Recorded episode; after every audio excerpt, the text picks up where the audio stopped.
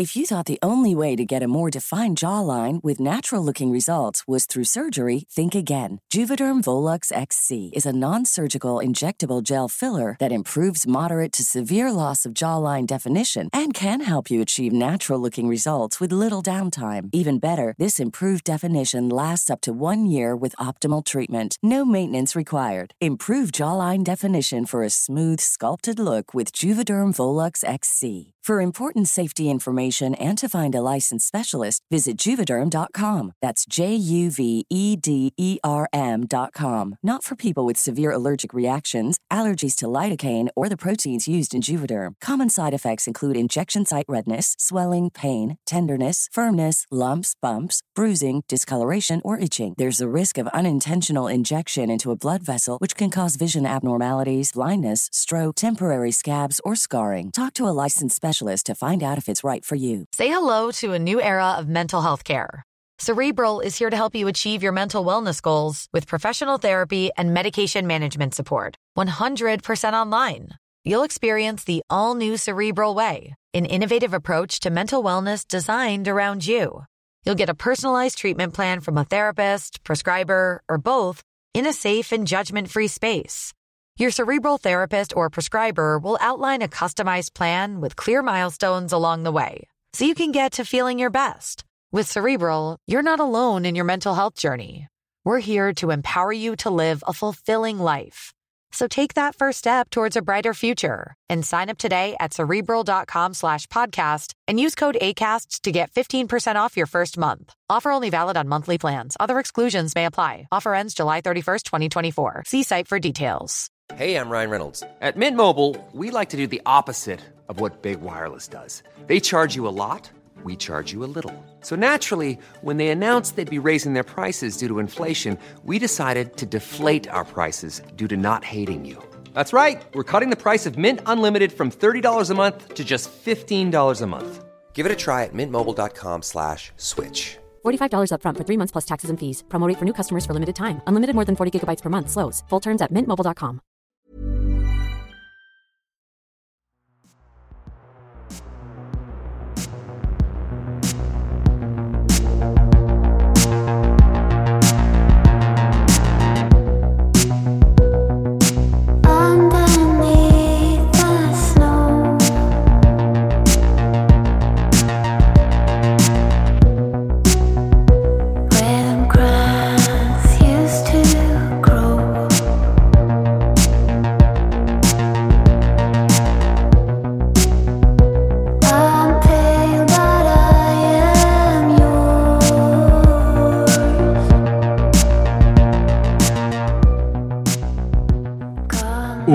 Olösta mord Peggy Knobloch Del 1 av 2 Det här avsnittet har skrivits av Camilla Söderlund.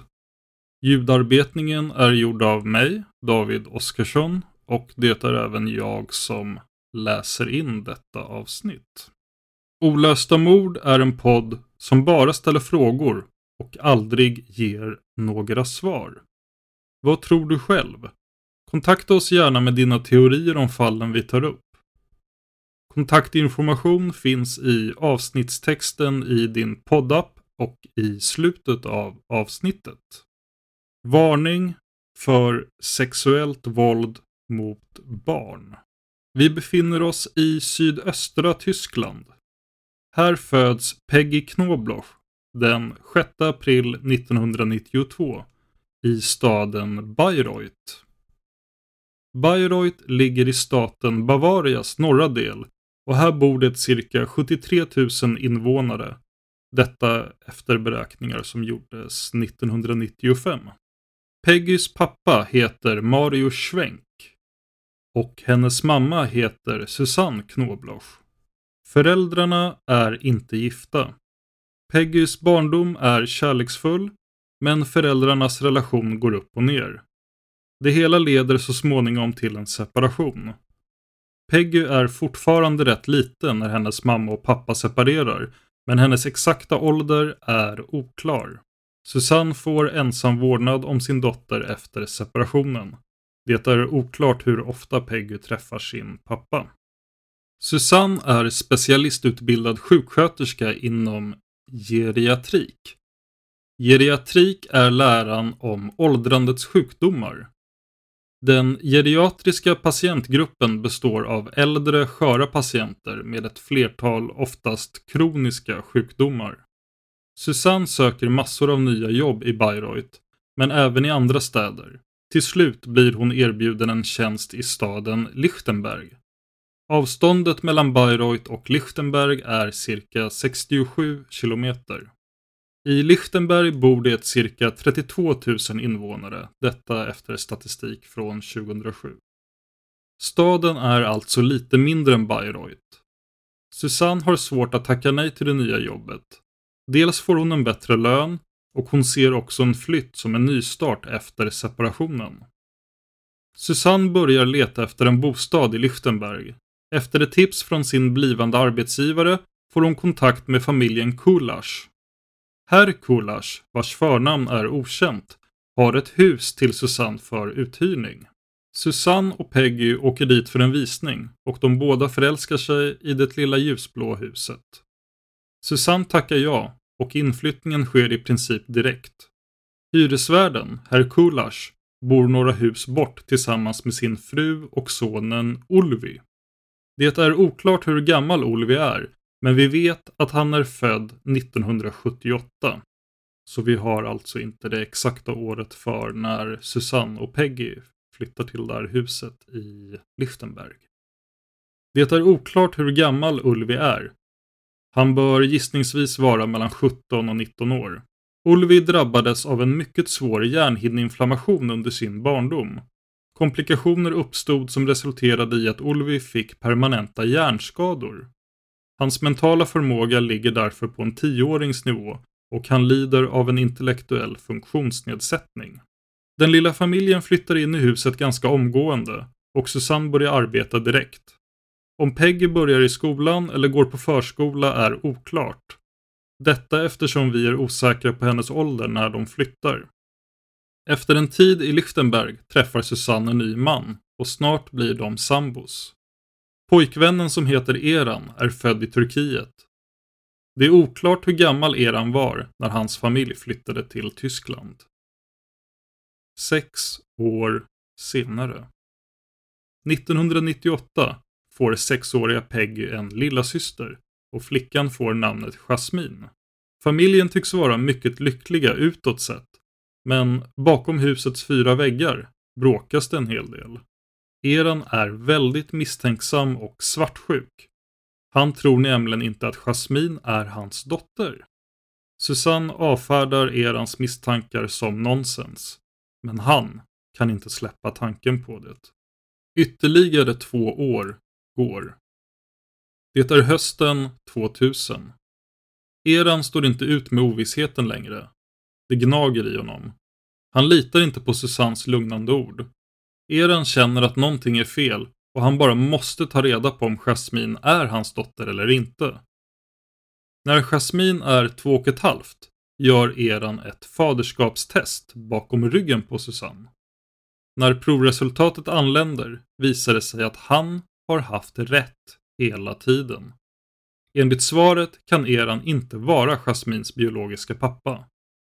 Eran blir otroligt arg, men samtidigt väldigt ledsen. Han känner sig sviken och lurad. I maj 2001 är Peggy nio år och hennes lilla syster Jasmine är tre. Susanne och Eran bor fortfarande tillsammans med flickorna och katten Tony. Peggy är en glad liten tjej som ler och skrattar ofta. Hon har stora blå ögon med långa mörka ögonfransar. Peggys axellånga hår är sandrefärgat och hon har precis tagit hål i öronen. Peggy tycker om att leka med dockor och hennes favoritdocka är en Barbie. Den bär hon med sig vart hon än går.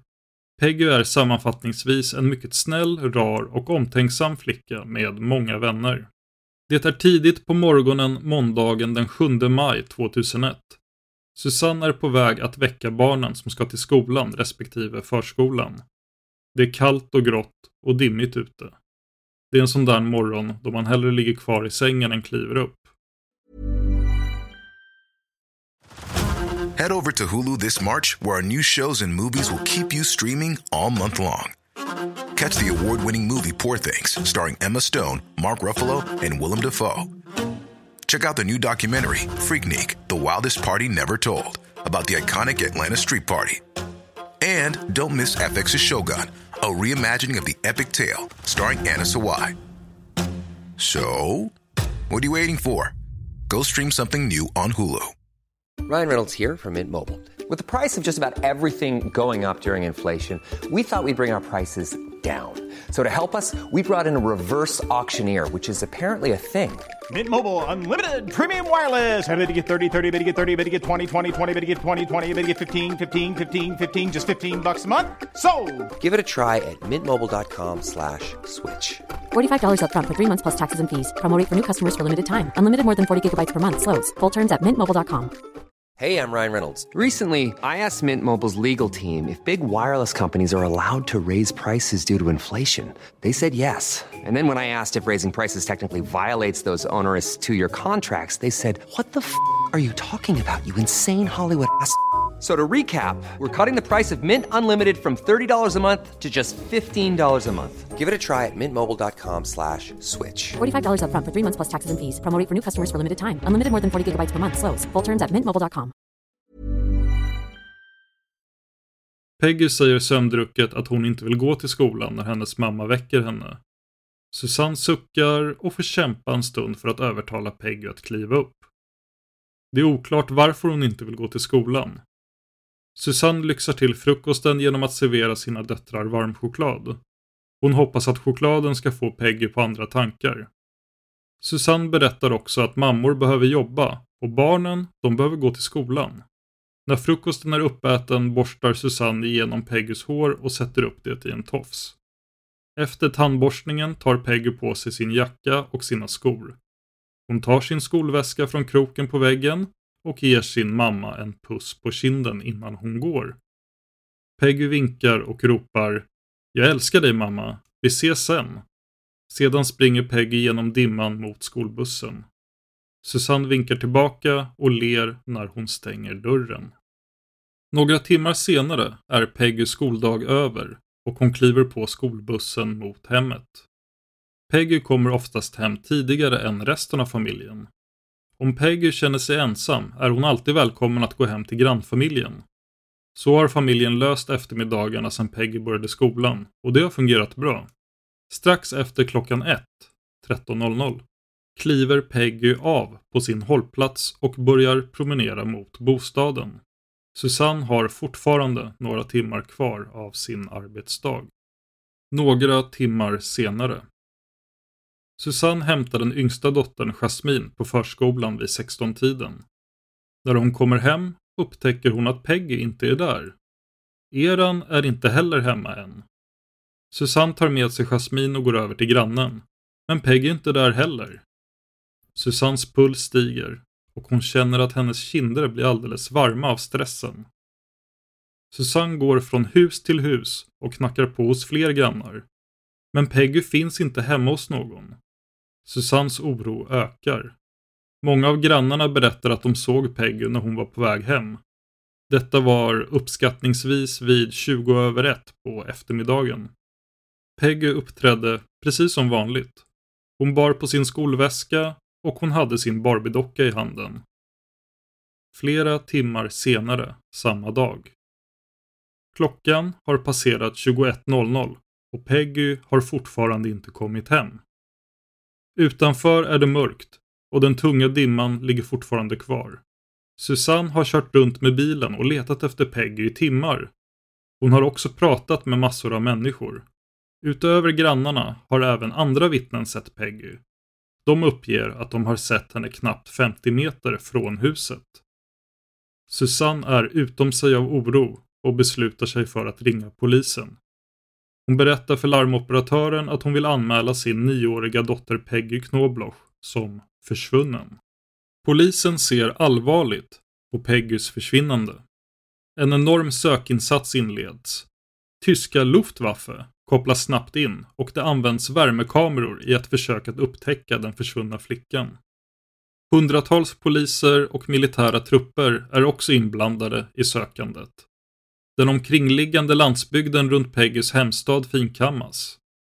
Inom en vecka har polisen sökt igenom enorma landytor runt Lichtenberg utan framgång. Antagandet att Peggy har fallit offer för ett brott blir allt mer sannolikt. Polisens talesman, Dieter Kärner, säger i en intervju citat Vi kan nästan utesluta en olycka helt. Med tanke på att det efter en veckas sökande inte finns några konkreta ledtrådar alls. Det indikerar att Peggy har fallit offer för ett brott. Slutcitat. Fler än två veckor går. En oro sprider sig i staden. Speciellt hos barnfamiljer. Många föräldrar har börjat följa med sina barn till och från skolan. Sedan två veckor tillbaka har hundratals poliser och frivilliga letat efter Peggy. Hela staden har vänts upp och ner. Skogarna är finkammade och varenda liten sjö har sökts igenom av dykare. Alla stadens soptunnor har tömts på innehåll och genomsökts. Men det finns inte ett enda spår efter Peggy Knobloch. I Sankt Johns kyrka står ett fotografi av Peggy på altaret och ett ljus brinner där för henne. Under mors daggudstjänsten ber de troende om att flickan ska hittas välbehållen. Men hoppet hos familjen och polisen tappar styrka för varje dag. Ju längre tid som går, desto mindre är chansen att hitta henne vid liv. Polisen tar hjälp av militära flygplan utrustade med specialkameror. De här kamerorna kan upptäcka ovanliga föremål och former på marken. Detta är alltså utöver värmekameran som polisen använt tidigare. Men polisen stöter på problem. De täta skogarna och den oländiga terrängen gör det nästintill omöjligt för utredarna att kunna analysera bilderna korrekt. Peggy är fortfarande inte hittad. När polisen känner sig som mest tröstlös kommer det in ett intressant tips från två helt nya vittnen. Det är två unga pojkar som berättar att de såg Peggy samma dag som hon försvann. Pojkarna säger att de såg henne hoppa in i en röd Mercedes med en tjeckisk registreringsskylt. Utredarna bestämmer sig för att utöka sökningen även till Tjeckien. Polisen i Tyskland kontaktar de tjeckiska myndigheterna och ber om hjälp i sökandet. Vid gränsövergångarna delas tvåspråkiga lappar ut med bilder och en beskrivning av Peggy. Polisen lyckas dock inte hitta varken Peggy eller den röda bilen. Det finns inget som indikerar att Peggy har förts till Tjeckien. Peggy kan inte hittas någonstans. Hon är fortfarande spårlöst försvunnen. Två månader går. Det är juli 2001. Polisen har letat efter Peggy i flera veckor utan några resultat. Under den här turbulenta tiden gör Eran och Susanne slut. Peggys försvinnande och slitningarna efter faderskapstestet har trasat sönder relationen helt och hållet. Men Eran har svårt att släppa taget. Trots att paret har gjort slut skickar han massor av sms till Susanne. Smsen blir efter en tid allt mer elaka och hotfulla. Under sommaren hålls en presskonferens där polisen utfärdar en belöning på 55 000 D-mark. Belöningen utlovas till den som kan komma med avgörande tips som leder till att Peggy hittas. Belöningen motsvarar cirka 403 000 kronor. Polisens operativa chef Harald Osel meddelar under konferensen att sökandet efter Peggy kommer att fortsätta i samma takt. Polisen kommer att använda alla tänkbara resurser för att hitta henne. Peggys mamma Susanne deltar också under presskonferensen. Susanne har tagit sin dotters försvinnande så hårt att hon bryter ihop helt. Separationen med Eran får henne inte att må bättre. Han överöser henne med elaka sms. Efter sitt framträdande på presskonferensen blir Susanne frivilligt inlagd på en klinik i Bayreuth. Susanne vistas på kliniken under en längre tid. I samma veva beslutar sig polisen för att rikta sitt fokus mot Peggys närstående. Efter lite grävande i familjens bakgrund tar polisen in Susannes ex, Eran, på förhör. Eran förhörs men släpps bara några timmar senare samma dag. Misstankarna mot Eran kvarstår, men polisen kan inte hålla honom kvar utan några bevis. Även Peggys mamma Susanne granskas, men polisen hittar ingenting som tyder på att hon är inblandad i försvinnandet. Vi ska tillägga att vi inte har hittat några källor som förklarar på vilka grunder som Eran blir intagen och förhörd av polisen. Ytterligare en månad passerar. I augusti 2001 hamnar hyresvärdens 23-årige son Ulvi Kulas på polisens radar.